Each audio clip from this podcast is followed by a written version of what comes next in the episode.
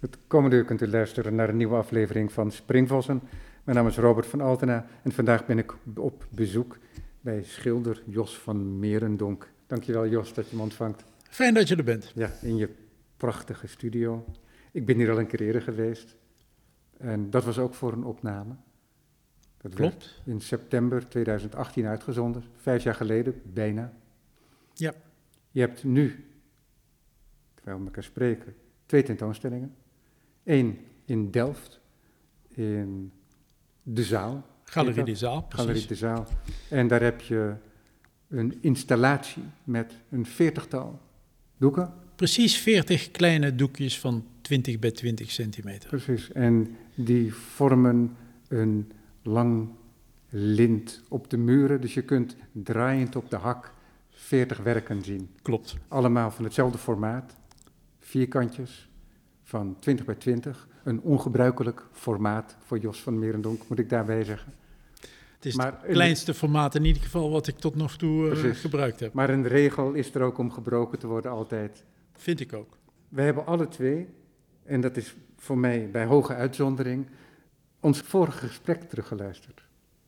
Ja, dat klopt. Ja. Ik dacht van, ehm, wat heb ik toen allemaal gezegd? Waar hebben we het over gehad? En ik moet zeggen, het was een buitengewoon goed gesprek. In die zin dat het volgens mij alles aan de orde stelde waarvan ik nu zou zeggen van, god, dat moet aan de orde komen. Precies. Nou, dan ga ik dat zo meteen samenvatten. en dan zien we wel wat er daarna overblijft om nog te bespreken. Maar een andere tentoonstelling, ook nu in Amsterdam, aan de Bilderijkstraat, bij Gerard Hofland. En daar laat je verschillende werken zien.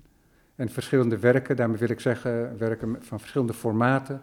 Maar ook, laten we zeggen, dat je een aantal signaturen hebt in je werk. Een paar stromingen, als het ware. Dus, eh, gekerfde Ja. of ehm, een hele sterke witte achtergrond met los daarop, bijna zwevend, een groene tekening. Nou, dat soort verschillende tendensen in je werk, die zijn daar te zien. Ook twee hele grote werken, dat is het grootste formaat, twee bij twee. Die zijn heel materieel, daar zit er flink wat verf op ook. En ook vrijwel volledig dekkend, zoals ik me herinner. Maar goed, Jos van Merendonk, samengevat. Jos van Merendonk bedenkt in de jaren tachtig dat hij toe kan met drie elementaire tekenmotieven. Motieven die ieder kind misschien wel ooit uit zijn potlood heeft laten komen. En dat is een slinger. Bij jou is dat wel dan altijd, ik weet niet of dat zich later heeft vastgezet, maar van linksboven naar rechtsonder. Klopt. Misschien is dat de gang van de rechtshandige. Ja, dat is denk ik zeker zo. Ja. Linkshandige die begint waarschijnlijk net aan de andere kant. Misschien, misschien linksboven naar rechtsonder een slinger, dan een ovaal. Dat hoeft allemaal niet te precies. Dat kan een cirkel bij benadering zijn en dan hebben we het over een ovaal. Hè, zo heb je het ook wel Ja, gezegd. want de Dus cirkel tekenen is heel moeilijk. Dus Ja, daar heb je allerlei anekdotes over. ja, Uit het verre China, Ja. maar ook ehm, Giotto was dat toch, geloof ik, met de perfecte cirkel, die anekdote. ja, zal wel in Vasari staan. Ja en, en ik ben, eh, ik heb niks met anekdotiek, dus eh, gewoon een ovaal staand in het midden. Precies. en een Z. Een zicht. Zet, ja, Een zet, soort- slinger, ovaal. Ja. Eind jaren tachtig voeg je daar nog een laag aan toe.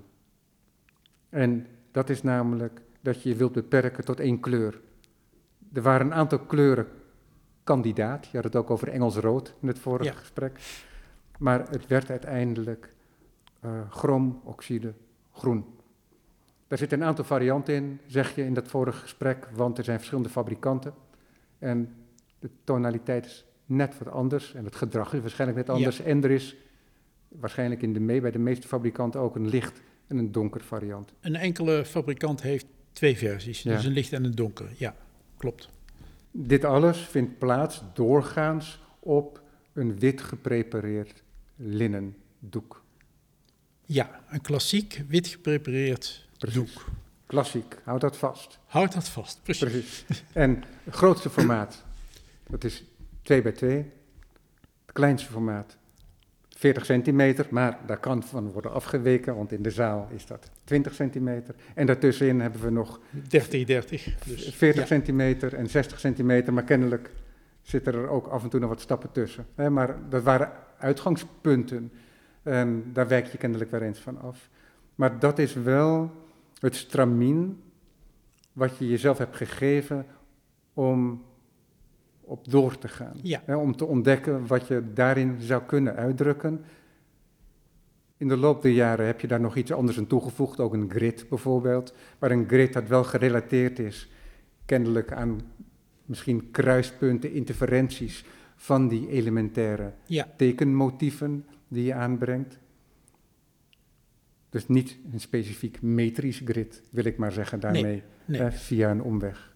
Klopt. Het is een, een grid wat afge- afgeleid is van de, ja, die basisgestes waarmee ik altijd begin. En dit geeft je de vrijheid om van alles te doen, want je zou dit kunnen verwarren met een soort minimalisme. Maar dat is een woord dat ik niet op jouw werk zou willen plakken, minimalisme. Tegelijkertijd is wat er nu in de zaal te zien is, mijn benadering van een minimalistische houding.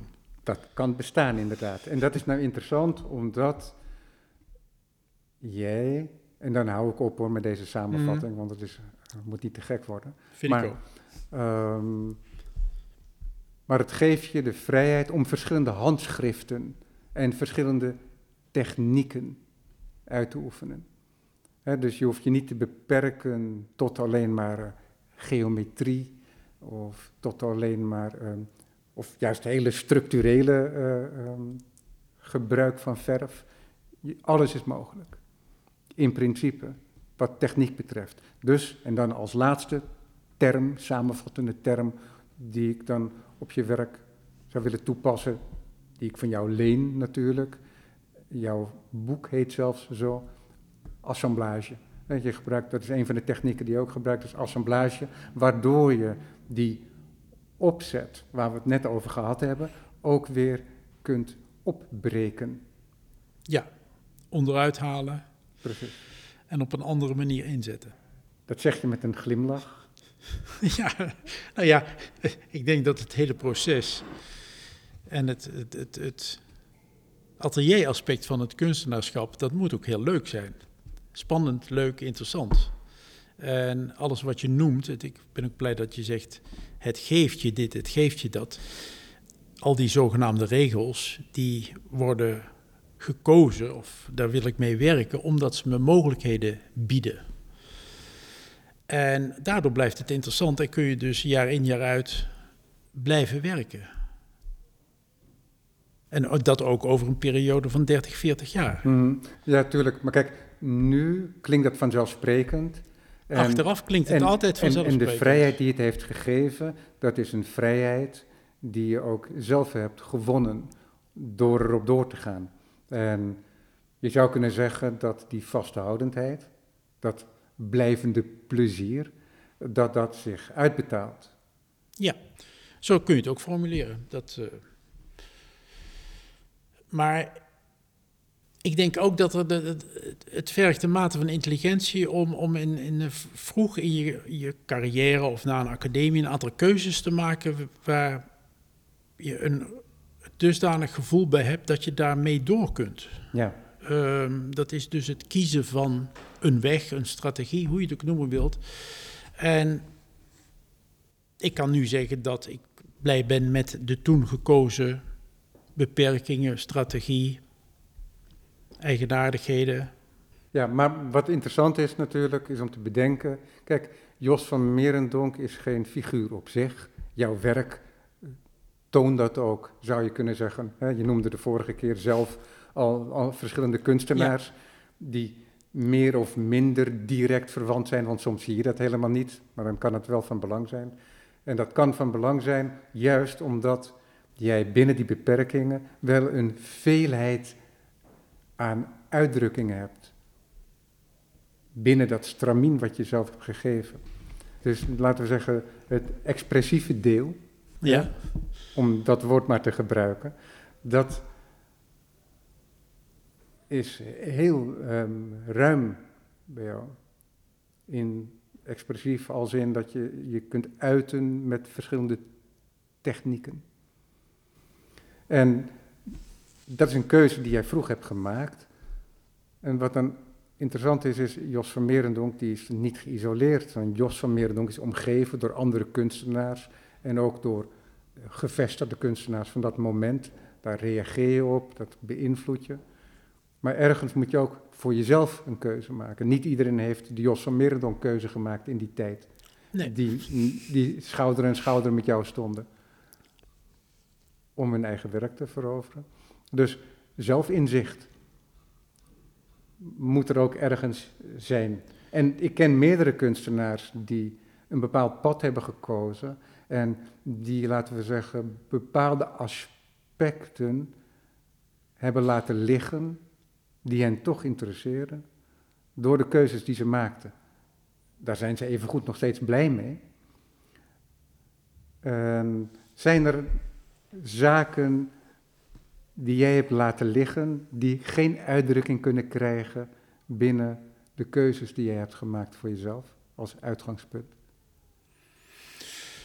Dat is een interessante vraag. Um, ik, ik, denk het eigenlijk niet. Ik denk het eigenlijk niet. De, de, kijk, mijn interesses uh, die zijn heel breed, zelfs in de beeldende kunst en ook in de, in de schilderkunst. En ik kijk naar Hammersheu en Valoton bijvoorbeeld. En ik, als ik die werken van hun zie, dan denk ik, goh, wat is dat fantastisch. En dan heb je ook altijd in je achterhoofd zoiets van, dat wil ik ook, of zoiets wil ik ook. Maar verder dan dat gaat het niet. Ik bewonder ze ook te, te veel om dat verder ja, te onderzoeken of daar in, in, in mee te gaan in die idee van dat wil ik ook. Misschien is dit een antwoord op je vraag. Ik heb geen ja, idee. enigszins. Ik snap dat het een moeilijke vraag is hoor, omdat het uh, ja, iets is wat aan de lijzijde zit, hè, dat, waar je gewoon eigenlijk minder vaak komt. Want je bent druk bezig en je bent tevreden met wat je doet. Dus dat snap ik ook wel, maar het is wel zo tegelijkertijd, en daarom stel ik die vraag ook, is dat jij heel veel verschillende technieken kan toepassen. Dus ik kan me voorstellen dat je iets ziet bij een kunstenaar, van mijn part, laten we zeggen, de nationale grootheid, Rembrandt. Je ziet iets in, in een werk van hem en denk van, hé, hey, dat is interessant, dat kan ik ook een keertje toepassen. Dat, dat soort dingen kom je tegen. En ik weet bijna zeker dat jij ook zo werkt en denkt. Ja, oké, maar nu heb je het over uh, heel specifieke dingen waarvan je zegt, die kan ik ook toepassen. Dat, dat, dat gebeurt of, en dat is gebeurd. Nee, tuurlijk. Maar, uh, maar dat zijn dingen die, die je dan ziet of denkt te zien bij, in een werk van een bepaalde kunstenaar. En dat neem je dan mee en dat komt dan ergens in je werk terecht. Kijk, en nu maak ik een hele praktische connectie. Hè? Laten we zeggen, een bepaalde techniek die je dan ergens, ergens vindt. En die jij bijvoorbeeld zou kunnen uitvergroten. Of, ja. Hè, er zijn allerlei manieren om daarmee om te gaan. Maar er, je kunt ongetwijfeld ook wel, en dan hou ik erover op hoor, maar je kunt ongetwijfeld ook wel eens iets tegenkomen. En dat je denkt van, hoe zou ik dit kunnen transponeren naar mijn werk en dat je er niet uitkomt? Ja, dat, heb je, dat, dat zou zomaar kunnen. Ehm, maar laat ik, laat ik het even uh, uh, terugbrengen naar, naar dingen die we hier om ons heen hebben. Achter je hangen een paar nieuwe schilderijen, kleine 60 bij 60. En daarop zit die ovaal die altijd al in mijn werk is, die is er heel prominent aanwezig. Als een ding op een, op een veld. Als een, ja, als een vrijstaand motief bijna, centraal motief in het verfvlak. Ja, ja. ja ik zeg dan een ding op het veld. Dat is, uh, ja, nee, dat en, is... En, uh, um, eigenlijk ga je nog een stapje verder dan ik. Ja. Omdat je daarmee iets representatiefs. Uh, dat zou iets representatiefs kunnen zijn, iets anders dan alleen die ovaal die toevallig altijd uit de ondergrond opkomt in mijn werk. En hier in die werken gebeurt iets wat voor mij totaal nieuw is. Uh, dat is namelijk dat ze A, een soort landschappelijkheid krijgen. En er, ook er is sprake van iets wat je zou kunnen duiden als een horizon. Precies. Een horizon en een verticaal erin. Dus dan wordt het al meteen een beetje een landschap. En dat is een nieuw aspect in mijn werk. En dat heb ik kunnen toelaten, of daar ben ik mee aan de slag gegaan, ongetwijfeld, naar aanleiding van bepaalde beelden die mij aanspreken. Ehm, het kruisbeeld is niet heel ver weg. Ehm, maar, en dat heeft een tijdje geduurd voordat voor ik dit toe kan laten. En waar dat precies gebeurd is bij het zien van wat of welke kunst, dat kan ik je nu niet duiden. Maar dus Wil je ergens, dat niet of kan je dat niet? ergens komen er andere aspecten in het werk die al latent aanwezig zijn. Ja. Is dat, mag ik dan zeggen, dat dit een soort gewonnen vrijheid is? Omdat je in ons vorige gesprek zei, vijf jaar geleden, dat de één ding duidelijk was, is dat jij niet representatieve kunst wilde maken. Hè? Dus een kunst, Klopt. laten we zeggen, die iets uitbeelde, waardoor je een soort uitdrukking gaf aan de figuratie van de ons omringende wereld. Het narratieve. het- en het narratieve ja, gebruikt je ook als woord inderdaad. En wat hier gebeurt, en ook in een aantal andere werken, is er dat er een, weliswaar een hel in de horizon is. Er is sprake van een soort repoussoir effect, Ja, waardoor je zou kunnen denken dat de helling... of een berglandschap. Een heuvel, een berglandschap. Je bent een, eh, een gretig eh, wandelaar in de Zwitserse Alpen. Ja.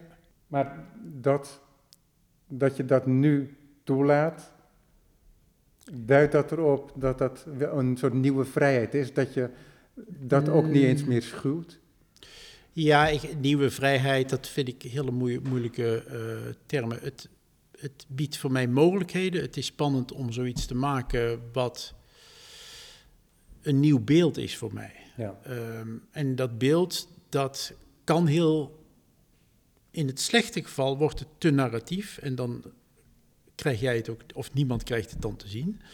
Maar er is nog een, een situatie voordat het echt narratief wordt, dat het voor mij heel erg ehm, houdbaar is. ja, wat je nu eigenlijk zegt, je, corrigeer me vooral als ik het niet juist heb, is dat het vanuit de schilderkunst komt, van binnenuit, en dat het niet is dat je hebt bedacht dat je misschien wel zou kunnen spelen met iets van een horizon of een repoussoir of Precies. en, ehm, en, en dat je ook dus wel op een punt kunt belanden dat het er vervolgens van de schilderkunstige tafel aflazert. Ja, dat het omslaat. Ja, als zure melk. Ja. En daar, nou, dat is een interessant eh, eh, aspect aan werk sowieso. Elk werk kan, zonder dat je daar misschien ehm, mee bezig bent, ineens op iets lijken. Dat mensen zeggen, oh, het is dat. Het kan een coteletje zijn, bij wijze van spreken. Ja, ja, dat kan dodelijk zijn, zo'n associatie. Dat is dodelijk. Dat is dodelijk. Ja. En daar moet je ook voor waken. Maar het is wel interessant natuurlijk dat jij vrij vrijelijk spreekt over het kruismotief. Maar misschien doe je dat ook omdat dat zo'n groot schilderkunstig motief is, Ja, dat, dat sowieso. dat je daar bijna niet door geraakt kan worden. Ja, kijk, mijn werken zijn vierkant. Stel dat ze een horizontaal formaat zouden hebben, zouden het allemaal per definitie landschappen kunnen zijn. Zeker. Dus, en dat geldt nu voor die verticale en, en die kruislijnen die er soms in die ovaal staan. Daar kun je ook een kruis in zien. Het is ook een kruis. Ja. En dan heb je het dus over wat voor kruis is het. Mensen die het werk nu niet zien, kunnen denken aan een soort menhir. Die gedeeltelijk in Ja. de grond begraven zit. En de omtreklijnen van het ondergrondse van de menhir zijn ook nog aangegeven. Hè, dus dan hebben Ja. mensen een idee. Ja. En het bovenste deel, dat zich groen aftekent tegen een witte achtergrond. Ja. Daarbij moet ik wel zeggen dat de werken nog niet af zijn, dus dat kan nog Nee, die zijn wel. veranderen. Oh, die zijn wel af. af. Ja, ja, ja. om- omdat ehm, het grafiet nog zo duidelijk zichtbaar is op dat rechterpaneel. Ja. Maar ze zijn af. Die zijn af. Kijk, Ja. dan neem ik die woorden terug.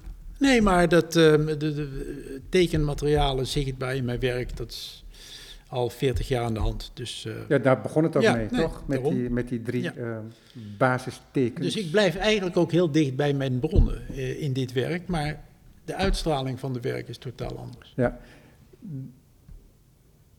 Die eh, bijna kinderlijkheid van die basistekens, of de, niet bijna, de kinderlijkheid van die basistekens. Hè, het, het was al gezegd, elk Ja. kind heeft die tekens neergezet. En dat, en dat speelde een rol voor jou ook. Dat het de meest elementaire markeringen zijn. Ik herinner me ook dat er een paar jaar geleden uit een onderzoeksgroep van Wil Roebroeks, die zich bezighoudt, een paleoantropoloog, en die zich bezighoudt ook met de erfenis van Eugène Dubois. Eugène Dubois was een arts en die werkte in Indonesië. En die heeft het voor elkaar gekregen om zijn werkopdracht te doen veranderen.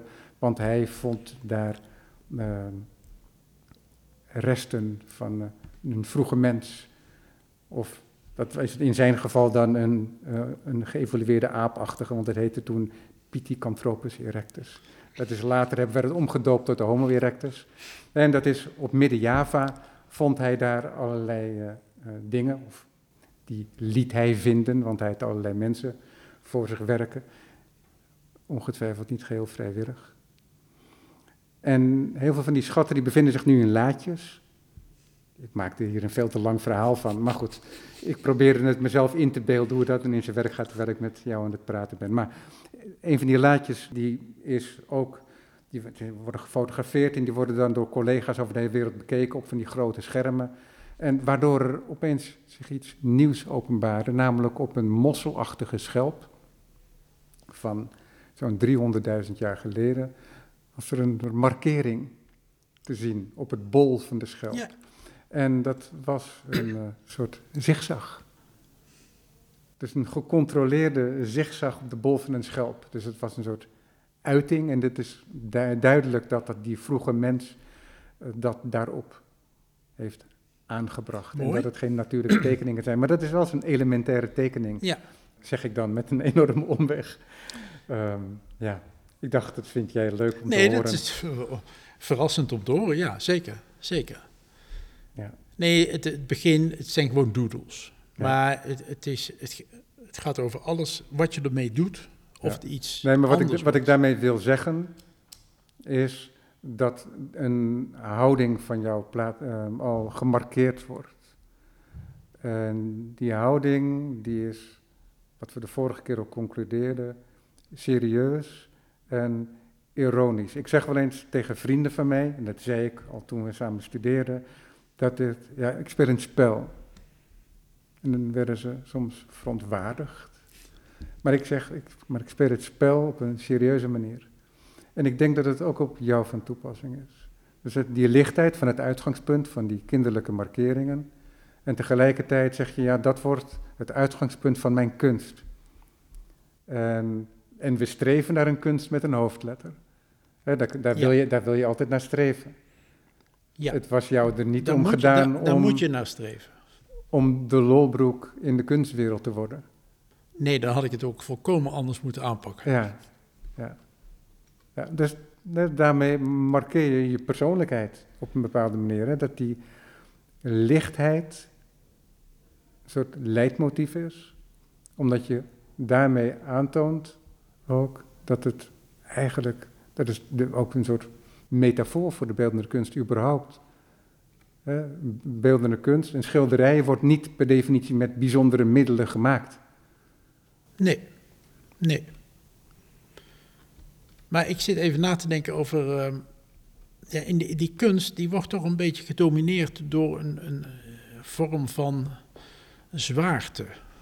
Ehm, er zijn ook veel kunstenaars die daar ook aan meedoen. Die geven hun werk per definitie een enorm. dichten hun werk veel gewicht toe, veel belang. En ik denk dat je dat als kunstenaar zelf, of ik in mijn atelier, dat, dat niet op die manier moet doen. Ik moet wel serieus en ehm, vasthoudend blijven met hetgeen wat ik wil doen, en wat, met hetgeen wat ik maak. Maar of het een dergelijk belang heeft, dat is aan de andere. Ja, ja dat werk dat moet zichzelf bewijzen. Ja, totaal. Daar heeft het mij niet voor nodig als het goed is. Ja. Maar nu dwalen we ongetwijfeld af. Nee, nee, niet, helemaal niet, denk ik. Omdat, eh, kijk, waar het om gaat is dat er een bepaalde houding is. Want vervolgens is het zo dat jouw verkenningstocht van wat jouw kunst zou kunnen zijn, hè, dat is het kunst maken, die verkenningstocht, daarmee uh, reis je, denk ik, ook door de hele kunstgeschiedenis heen. Ja, in ieder geval door de, de, de moderne uh, schilderkunst. Ja, maar ik denk, dat je ook, ik denk dat jij ook wel breder kijkt. Dat heb je natuurlijk al gezegd, omdat je Varaton bijvoorbeeld natuurlijk, noemt. Natuurlijk um, kijk ik ook veel breder, ja. En dat, dat speelt een rol. En daar voel je je volgens mij ook wel mee verbonden. Met de kunstgeschiedenis in een ruimere zin. Zeker. En niet alleen met die ontwikkelingen in de 20e eeuw, waar jouw werk wat direct eraan vastzit. Ja. Als ik dat zo mag zeggen. Nee, dat, dat, kun je, dat heb je goed geformuleerd. Klopt. Ja, ja. En dan is het zo dat er ook weer dat spel bestaat, opnieuw weer dat spel van de verschillende technieken. want soms maak jij schilderijen die heel snel af zijn, sommige ben je een paar weken mee bezig. En, um, daar ben je nooit meer opgehouden. En dat houdt eigenlijk niet op, denk ik ook. Omdat je altijd weer kunt hercombineren. Hè, want aanvankelijk zul je, denk ik, een bepaalde techniek per werk hebben gereserveerd. Ja, en, en inmiddels loopt dat allemaal door elkaar heen. Ja, en er komen nieuwe aspecten uh, bij. Um, in dat, dit recente werk waar we het net over hadden, daar ga ik op een totaal andere manier te werk. Dat benader ik veel meer als, uh, ja, laten we zeggen, stel dat ik een stil leven zou schilderen. Dat vergt een bepaalde techniek, kijken van naar wat er is als stil leven en hoe dat vorm krijgt op het doek. Dus dat is voortdurend eigenlijk een beetje een, een, een werkje aan elkaar breien. Uh, moet je me uitleggen? Want schilder jij iets na hier? Nee, ik schilder hier niet iets, iets na, maar de manier waarop ik hier schilder, als schilderend te werk ga, die lijkt op de manier eh, die je hebt als je iets na zou schilderen. Nou, voor mij is dat duidelijk te, te zien, mm. en, maar dat is misschien moeilijk uit te leggen. Maar je, ik schilder dus niet iets na, maar ik gebruik wel de, de methode van schilderen die ik zou gebruiken als ik iets na zou schilderen. En wat is dat dan anders dan in je andere werken? Nou, in een ander werk besluit ik, ik noem maar iets, in een simplificatie, dat ik um, de basistekening in potlood, dat ik die met een penseeltje nummertje 6 heel keurig ga volgen. Een aantal keer. En dan krijg je een, een, een werk wat op een, be, een bepaalde manier zijn uitvoering vindt. En in deze werken waar ik nu over spreek, die, die, die ovalen, daar wordt op verschillende manieren met die verf omgegaan. En dat wordt veel meer opgebouwd als een klassiek schilderij dat iets afbeeldt. Of dat een landschap zou willen zijn. Ja, oké. nee, dan, en het wordt geen, geen stilleven of een landschap, maar de, de methode van schilderen die refereert daaraan. Ja. Ja, nee, dan, dan begrijp dat, ik dat, dat inderdaad. Spel, Dat spel tussen van oké, hoe het geschilderd wordt en waar het dus eigenlijk op die manier naar verwijst, terwijl het dat tegelijkertijd niet is en niet wil zijn, dat maakt deze werken voor mij interessant. Ja, want er zit ook vaak in veel werken, is, is er ook een soort all-over techniek. Ja. En soms breek je dat weer op, omdat je ja. dingen toevoegt. Of er zit een coulisseachtige ruimtelijkheid in. Terwijl hier is die ruimtelijkheid ook anders. En dat heeft direct te maken met die andere manier van schilderen. Ja. Dit is een, qua ruimtelijkheid in het doek, heeft het veel meer iets landschappelijks of iets stillevenachtigs. In ieder geval refereert het aan een soort van gewelfde uh, mogelijke ruimtelijke blik. Ja. En waar komt dat vandaan dat je dat nu doet? Dat Ja, dat komt misschien do- door het zien van bepaalde werken. ik- maar ik kan er niet iets specifieks.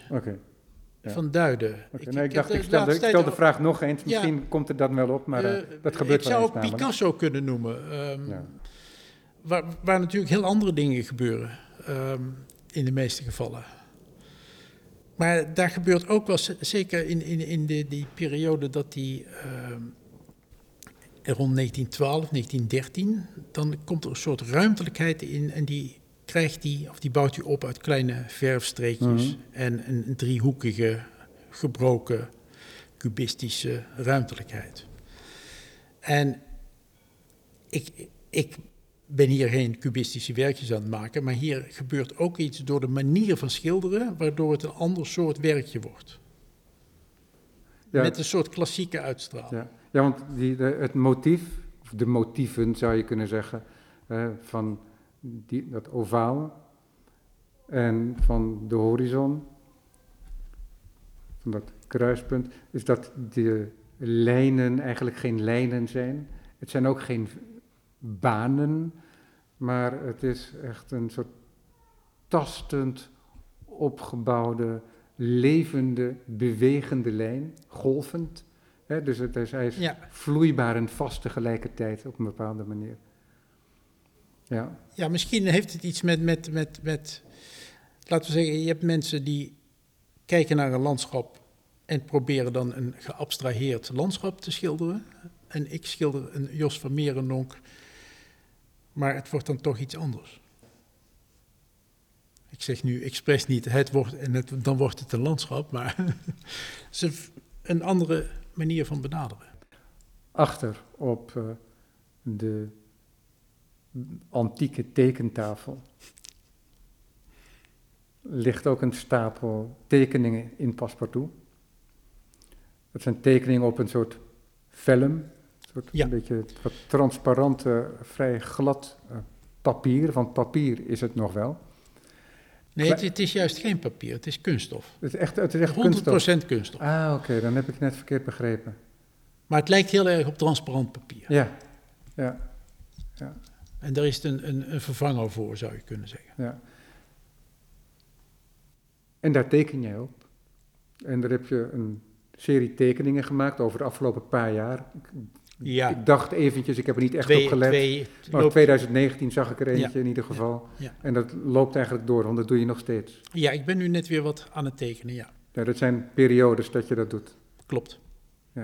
En je vertelde me zojuist dat je die tekeningen baseert op schilderijen in plaats van andersom. Het is geen. die, die tekeningen die komen let- nieuw die werk. zijn letterlijk gebaseerd op foto's, of ja, foto's van schilderijen. Met name van de assemblage schilderijen. precies, dus- assemblages die ook ehm, in het gelijknamige boek zijn Ja. opgenomen. En eigenlijk de foto's in dat boek vormen de basis voor deze schilderijen. En dat moet je dan heel letterlijk nemen. In de zin dat ik die foto's gedeeltelijk overtrek en vervolgens tot tekening afteken. Ja. En wat maakt het dan dat je ze overtrekt en dat je die foto's niet naschildert, bijvoorbeeld? Oh, natekent, pardon. Ehm, Die foto's van de schilderijen. ja, nu, nu gaan we het dus hebben over het, het overtrekken of het natekenen en het Ja, verschil eventjes als, daartussen. als stap. Ja, ja, ja. Nee, maar ik vind het juist ehm, heel mooi om die foto's letterlijk met dat transparante materiaal, dat leg ik op die foto's en dan trek ik wat ik zie. En wat met dat potlood genoteerd kan worden of overgetrokken kan worden, dat trek ik over. En dat is dan de basis om mee verder te werken. Ja. Maar wat voor belang heeft dat ten opzichte van uit de vrije hand? Ik heb geen idee, want dat uit de vrije hand, wat, daar, daar stel ik me zoiets bij voor van ik kijk naar de foto en dan maak Ja. ik daar een tekening. Is dat van. al te representatief voor je? Ja, maar dat, dat zegt dan iets, dan, dan ga ik iets doen, dan ga ik een stil leven natekenen. Ja, precies. En Ja. dat is nou net wat ik niet wil. Ja, nee, maar dat is interessant toch? Dat, uh, Ja. dat een soort... En dan zou ik ook het schilderij na kunnen tekenen. Dus dat op een, op, aan de muur hangen en dan... Hoewel een foto van een Dat is schilderij en een schilderij, dat is wat anders natuurlijk. Want een foto is al een vereenvoudiging, want grafischer. Ja, Dus dat, is, Het- dat zou het- niet helemaal het wordt hetzelfde zijn. telkens m- het wordt minder. Elke foto of elke afbeelding maakt, wordt minder dan het schilderij. Dat Ja. is zo. En dan ga ik daar nog een tekening van maken en dan wordt het iets anders. En dat, ja, precies. Want vervolgens is het wel zo dat als je die basis hebt vastgelegd, dan ga je wel, Dan ga ik mijn eigen gang. Dan ga je eigen gang, maar die eigen gang die is nog wel altijd gerelateerd aan het gefotografeerde werk. Nee, daar kijk ik dan niet meer naar. Nee, want het, ik- moet dan, ik- het moet dan een goede tekening Want ik worden. dacht net op een van die tekeningen wel te zien dat je bepaalde, ehm, een bepaalde relief uit een schilderij, dat je die ook nadeed Ja, maar dan heb in ik grafische zin. wat, wat ik na kan doen op basis van die foto, die onder dat transparante papier ligt, of dat schilderijtje in dit geval, dat is dan op een gegeven moment klaar, maar daar ga ik dan op verder. Ja, dus het zijn niet alleen per definitie omtreklijnen, maar het kunnen ook andere lijnen al- zijn. alle, alle nee, allerlei vormen van, van, van signaal die doorkomt. ja, en, Eh, en vervolgens ben je vrij en dan ben je alleen maar aan ga- het tekenen. En dan ga ik daar kijk ik van, wat voor tekening kan dit worden? Dus dat ligt dan eigenlijk niet meer zo vast. Het Ja. kan ook iets anders worden. Ja. Maar ik ben hier eigenlijk op dit idee gekomen doordat ehm, in de tijd dat er nog niet zo makkelijk en veel gefotografeerd werden, waren er kunstenaars die hielden ook een soort archief bij. Dus die maakten een schilderij. En dan maakten ze een klein tekeningetje van het schilderij en dat ging dan in hun kaartenbakje. Die werkjes van sommige van die kunstenaars, die kleine tekeningetjes zijn briljant. En dat was eigenlijk, ik dacht van god, dat is toch eigenlijk heel interessant dat een, een afgeleide, een, een ding wat eigenlijk zijn weg vindt in een soort administratie of een archiefje van een kunstenaar, dat die zo, zo, zo, zo'n brieën hebben. Ja, Bob Bonis heeft me nog zijn archieven laten zien. Dat is echt eh, van het ruitjespapier, van het 1 centimeter Ja, ruitjespapier, wat hij al ja, sinds de jaren 60, 70, Ja. 60 waarschijnlijk al gebruikt. En ik weet van andere, van andere schilders dat ze aquarellen maken. Dus die hebben een heel aquarellenarchief. Ja, ja, van hun werk. Ja. Ja, dat is toch ook mooi, is interessant. Dus, maar jij bent niet van plan om zo'n archief opeens op te starten, maar dat was wel... Nee, dat was ook Een een, een, een, idee waar- waardoor ik dacht van, goh, dat, Ja. dat ga ik doen. Want En, maar dat- doe je dat alleen in de studio of doe je dat ook thuis of elders? Nee, doe ik alleen hier. Ja, ja. Ja. Sowieso? Ik heb thuis nog nooit een tekening En op reizen ook niet? Ja, toen ik op de academie zat, heb ik nog wel eens op reis een paar dingen gemaakt, maar sindsdien eigenlijk niet. Ja, ja. Dus als jij gaat wandelen in Zwitserland, dan neem jij geen potloden mee, geen Nee. papier mee. Nee. Denk je er wel eens aan dan? Aan mijn werk, of, of ja, dat, dat, maar dat speelt zich in mijn hoofd af. Ja. Maar ideeën en zo, die hoef je ook niet te noteren dan als tekening? Nee, Of- nee. Ik maak wel eens foto's als ik ergens ben van iets, een, een detail, of als ik in een museum ben en ik denk van, god, dat is nou opvallend. Maar verder eigenlijk niet. Opvallend vind ik dat dan. Ja, ik ben een soort 9-to-5 eh, kunstenaar, zou je kunnen zeggen. Dat klinkt heel prozaïs, maar dat is het misschien ook wel.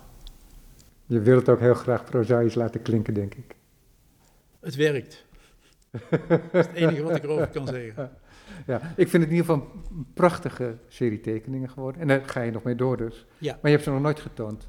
Jawel, ik heb een aantal van die tekeningen getoond. Ik weet wel dat je wat gedeeld hebt op Instagram volgens mij. Ja. Zag ik wat langskomen. Eh, op de TFAF hebben er een aantal gehangen. Oké, ja, En, ben ik niet binnenkort ook wel weer in Hamburg, denk ik, bij Hidde van Zegelen. Maar nog niet als, als tentoonstelling of zo. Het komt vast nog. Ja. En geeft dat je ook nieuwe ideeën voor schilderijen of werkt dat helemaal niet zo? Oh, dat denk ik zeker, ja. Het is ook, kijk, dat tekenen, ehm, er zijn altijd zo nu en dan momenten dat ik eigenlijk geen zin heb om te schilderen. En dan, na een paar weken denk ik, dan ga ik dus tekenen. En dan, dan heb je een heel andere motoriek, dat werkt anders. ehm. en dat is dan eigenlijk een hele fijne ehm, een uitstap. Ja. ja.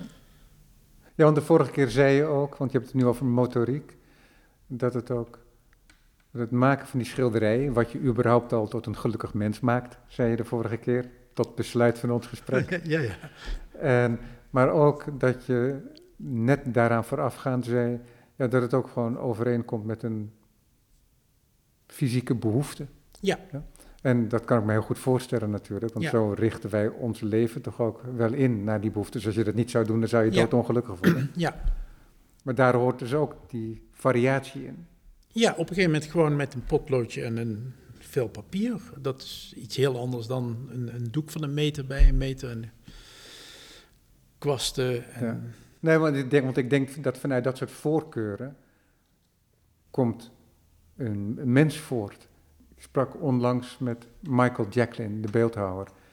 En die vertelde dat hij groeide op bij Heemskerk, Heemstede, denk ik. En dat hij daar in de bossen wandelde. Maar dan zou je denken, geen eh, eikeltjes rapen en zo. Nee, hij raapte dan stukjes oud ijzer op in het bos. Ja, ja, En die ja, stopte ja. hij dan in zijn zak. Oh, goed verhaal. En Warempel, weet je, de man die Ja. is eh, van stafijzer beelden gaan blijven maken. Ja. Dat is fysiek, is dat allemaal Ja. natuurlijk. Nee, Dus- dat heb ik natuurlijk, dat heb ik geloof ik ook in het vorige interview gezegd, dat ik, ik heb ook allerlei beeldhouwactiviteiten ontwikkeld in, in, tijdens de academie, of op de academie. Je hebt hierachter heb je ook een soort raster staan. Ja, maar dat, eh, dat valt even buiten je- dit, dit, je- dit verhaal. opslag. Maar toen heb ik dus ook gewerkt met, met, met klei en met metaal en zo. En ik vond het allemaal eh, te veel gedoe, letterlijk. Te, te zwaar, te gesjouw. Daar hou ik eigenlijk helemaal niet van. Dus die, die paar dingen die jij gezien hebt hierachter, dat is heel licht materiaal. Ja, ja, maar toch is dat wel een ruimtelijk werk. Klopt, ja. Een uitstapje. Ja. Ja. Maar het is niet zo gek toch, omdat jij, je hebt ook hier volgens mij van spraypaint heb je Ja. schilderijen. Een van de technieken die je kan gebruiken. Ja. En, en rollers en alles. Eh, alles wat de schilder Ja. ten dienste staat, passeert. Heb je voorkeuren? Nee, nee, dat zou ik, nee. ehm, je bedoelt qua verfopbrenging ja, of zo? Ja, ja, precies. Nee, eigenlijk niet. Ja. Nee, dat is heel afhankelijk van wat voor soort schilderij ik aan het maken ben of wil maken. En ja, het, het idee vraagt om een uitvoering. Of die twee liggen op elkaar, zo zou je het ook kunnen zeggen. Dus ik heb geen echte... Dus het is bij jou altijd de variatie, Ja, de afwisseling ja, die nodig is. ja, dus heel erg wel gedacht vanuit die verschillende mogelijkheden die er zijn. Vandaar nu ook dat, dat, dat ik nu op een andere manier aan het schilderen ben.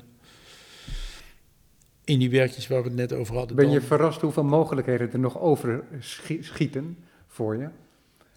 Ja, dat, dat, je nu dit, ja. dat je nu dit bijvoorbeeld weer doet. En, eh, kijk, want je hebt het wel eens onder druk gezet door bijvoorbeeld niet één techniek per schilderij te gebruiken, maar via de assemblage ook technieken te combineren. Ja, Ja, dat is een grote beslissing geweest op enig moment, denk ik, ja, dat je dat bent gaan doen.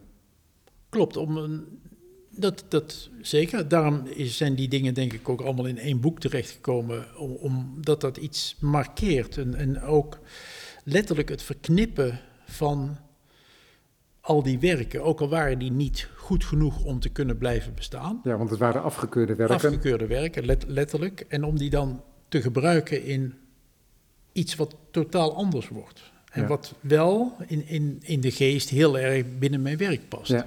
Eh, en heel, iets heel vanzelfsprekends heeft uiteindelijk. Ja, ja maar het, Maar het was het- zeker een enorme eh, stap om dat toe te staan, letterlijk. En zo'n stap heb ik nu ook weer gemaakt. Ja, want dat is deze- helemaal de andere kant op Ja, als het ware. Dat Omdat dit, de, helemaal de andere eh, kant dit is mm, de meest misschien traditionele positie Ja, in al die mogelijkheden die zich hebben aangediend en die, laten we zeggen, deel uitmaken eh, van de verschillende technieken die je hebt toegepast in je werk al. ja, ja. Ja.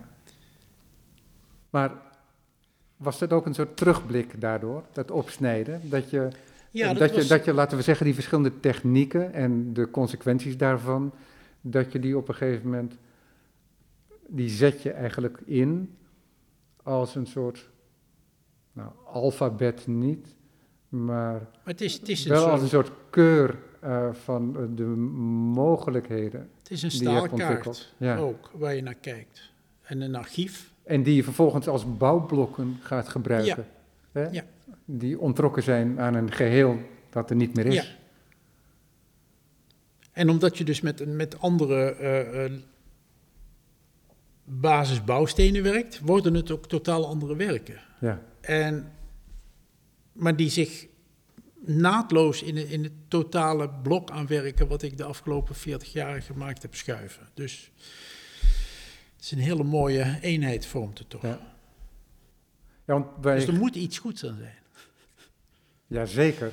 Kijk, de directe aanleiding voor dit gesprek was niet de tentoonstelling in Delft, in de zaal, was niet de tentoonstelling bij Gerrit Hofland die nu te zien is. Wat voor titel eh, zit eraan vast? Zit daar een titel aan vast? Eh, bij Hofland Foregrounded Foregrounded, ja precies.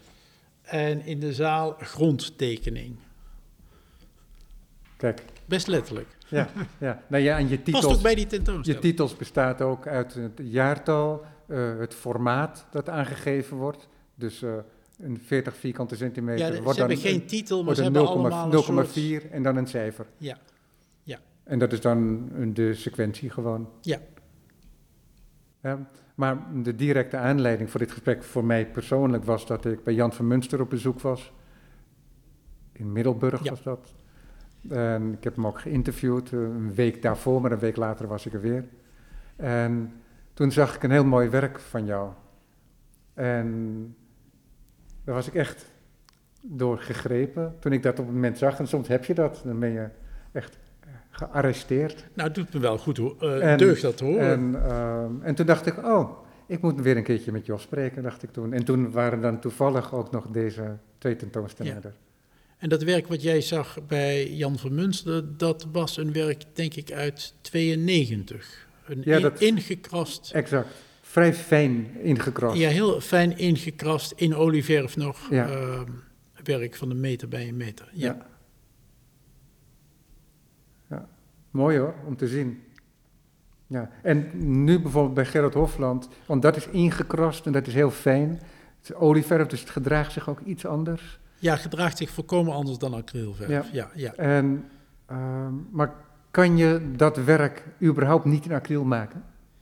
Of wordt het dan gewoon iets heel anders? Ehm, nou, ik heb in, in eh, begin jaren 90 een aantal van die werken gemaakt. Ehm, die zijn toen ook tentoongesteld in Witte de Wit een keer in 93, geloof ik. Ehm, maar om die werken, die zouden ook in acryl gemaakt kunnen worden. Ja, moet je wel heel snel zijn. Veel sneller dan in olieverf, daar heb je altijd wel een dag of twee, drie de Maar je tijd. hebt ongetwijfeld wel vertragers, toch? Die je erin kan mengen, of is dat niet zo? Oké. Ja, maar dat, mm, daar moet je allemaal wel mee oppassen, denk ik. Nee, maar dat, ehm, ik, kras nog steeds. Oppassen, Zo want het nu en dan. overleeft het niet, of het is niet goed voor je gezondheid. Dat zou ik. Of alle twee. Nou, nee, dat, dat weet ik eigenlijk niet. Oké. Dat, ehm, Maar goed, dat was zomaar een terzijde vraag. ja, nee, maar ik, ik nog steeds wel in, in werk. Eh, want er Ja. hing, hing bijvoorbeeld ook een, een veel recenter werk waar alleen die basistekening ehm, gekrast is in de verf. Ja, In acryl ook. ja. Maar die hele eh, verdichte, ehm, dichtmazige kraswerk uit de jaren 90, die passen echt in die tijd. Die heb ik daarna niet meer zo gemaakt. ja. Daar was blijkbaar geen aanleiding toe. Zo is het. Ja. Want wat interessant is nu bij Gerard Hofland, is er vrij grote contrasten zijn daar te zien. Ja. Dus ik noemde al de twee grote 2 bij 2 doeken. Die, dat zijn broers van elkaar. Eh, dat is eh, vrij dekkend, vrij dik ook. Er zitten wat applicaties in volgens mij ook. Een paar stukken karton, Ja, ja, waarmee ik de verf heb opgebracht. Ah, en die zijn gewoon één geworden En uiteindelijk die, met de die doek. heb ik er vervolgens ingeplakt. Ja, Een kleine referentie naar Pollock, die een, eh, van zo'n eh, een paardenkopje eh, uitgezaagd uit triplex in een van zijn schilderijen heeft geplakt. Dacht je daaraan toen je dat deed? L- Laten we zeggen, ik wist ervan. Maar er is ook bijvoorbeeld een van die werken van jou te zien, hè, dat is dan een L-vorm of een hoek, de galerie. En als je dan binnenkomt en dan naar rechts en dan op de achterwand heb je links, heb je zo'n, of nee, in midden, in het centrum van die, van die wand heb je een doek met een hele duidelijk sprekende witte grond. En op die witte grond eh, zijn er zijn die basisfiguren in groen opgezet, maar zo dat elk element vrij staat in het wit. Ja. Waardoor het een beetje eh, zweeft ook, omdat dat wit, dat overstraalt een beetje daardoor. En daardoor drijven die vormen ook een beetje zo.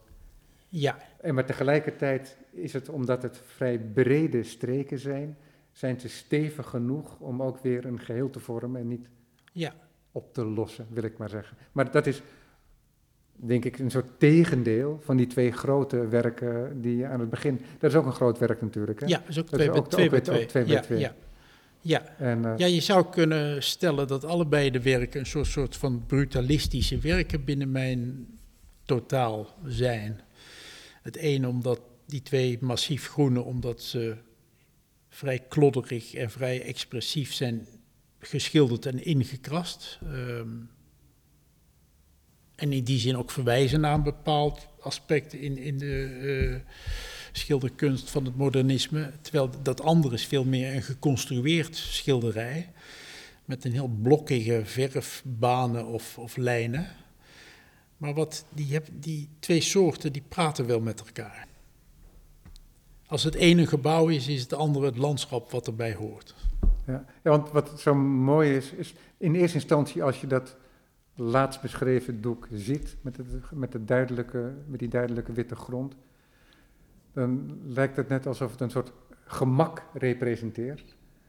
En als je dan eventjes verpoost met het werk, dan komt er ook een hele mooie concentratie vanaf. Uh, door dat, de Ja. interactie Ja. van die losse elementen die samen ook weer het geheel vormen. Ja, En, ehm, dat gemak is een groot goed als, je, eh, als het dat zo overkomt. Daar Ja. ben ik heel blij mee. ja, Want het moet niet gekunsteld zijn. Dus als jij zegt het straalt een gemak uit, dan ben ik al lang blij. ja. En er zijn ook een aantal werken die ook weer lijken eh, op het werk wat in Delft te zien is. En dat zijn die elementaire grondvormen. Dus dat zijn die doekjes van 20 bij 20, 40 stuks rondom opgehangen, allemaal op min of meer gelijke afstand. Er zijn wat onderbrekingen door deuren en Ja. facilitaire elementen in zo'n pand. En de slinger, de ovaal en de zet. Allemaal met hetzelfde penseel opgezet. 4 mm breed kwastje. Ja. Ja. ja. Nee, ze zijn allemaal op een totaal. eh, eh, Heb je dat voor de ruimte gemaakt? nee. Ik heb het niet voor de ruimte gemaakt. Ik had een periode dat ik dacht: oké, ik ben met allerlei dingen bezig. ehm, dus ik weet niet wanneer ik op een atelier kan zijn en hoe lang. En toen, en dit plan, daar liep ik al lang mee rond. Om een aantal van dezelfde werkjes te maken. Toen dacht ik: oké, ik ga elke dag maak ik één zo'n. Als ik op een atelier kan zijn, maak ik één zo'n schilderijtje. Dus, je En hebt- dus zo- elke, van de 40 representeert één dag. Ik heb ze allemaal in één dag gemaakt. Je hebt ze alle 40 in één dag gemaakt. Nee, nee, nee. Ik heb elk één, één schilderijtje per dag. Ja, ja, ik dus kwam- 40 dagen. Laten we zeggen, als ik een keer tijd had om twee uur op een atelier te zijn, maakte ik zo'n schilderijtje. Als ik dan twee dagen daarna weer tijd had, op een half dag, weer zo'n schilderijtje. En waarom 40? Nee, uiteindelijk heb ik er 40. Ik heb er in het, op het laatste moment nog een paar bijgemaakt om er 40 te hebben voor die ruimte. Dat is dan weer. Is dat niet Mozes in de woestijn, die 40 dagen? Of vergis ik me dan? Dat zou heel goed kunnen. Dat komt er mooi uit. Toch? Ja, maar eh, heb je de 40 gemaakt of meer?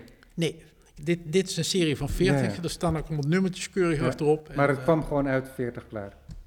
Nee, ik had er iets van Of vind je- 30 of of vind je 33. vier een En die, die ruimte vroeg om nog een paar meer. En dus dacht ik, ik maak er 40. Zo pragmatisch. Ja. Ja, want ik noem dit ter besluit van dit gesprek, omdat dat werk ook het begin markeert als het ware van je werk. Een grond Zeker. met die elementaire tekens. Ze- zeker, zeker. Ja. En hier speelt ook bij het maken van dit, dit werk. Kijk, als je dat weet, dan hoef ik daar niet over na te denken. Ik weet precies hoe, dat, hoe het werkt. Ik moet het wel doen. En dat is buitengewoon prettig om dat dan te kunnen doen als je het jezelf tot taak hebt, hebt gesteld. Ja, ja. Maar had je dat zelf dat gevoel ook, dat het een soort terugkeren was naar het beginpunt? Of, of dat- dramatiseer dat- ik het Nee, daarmee? ik, ik denk dat je nu dramatiseert, want dit, dit is bijna elke handeling die ik op papier doe of op doek doe, die begin ik hiermee. Dus dat Ja. is niet... Ja, natuurlijk, maar uiteindelijk is ook hier het eindresultaat zo elementair.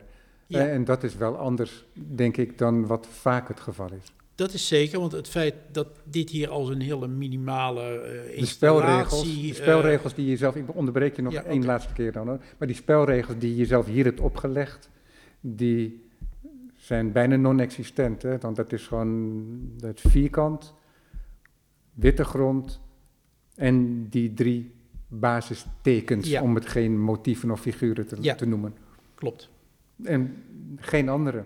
Nee. Niet met afstanden en dat soort dingen. En dan heb je dan weliswaar één penseel gekozen en daar heb je het allemaal mee gedaan. Ja. En ik heb je onderbroken en ik geef je ook het woord niet meer, want we zijn aan het einde van het gesprek. Als je het niet erg vindt. Geen probleem. We zetten Dankjewel het voor het gesprek. eh, voort in een eh, aantal jaar. Gaan we doen. Goed, dankjewel.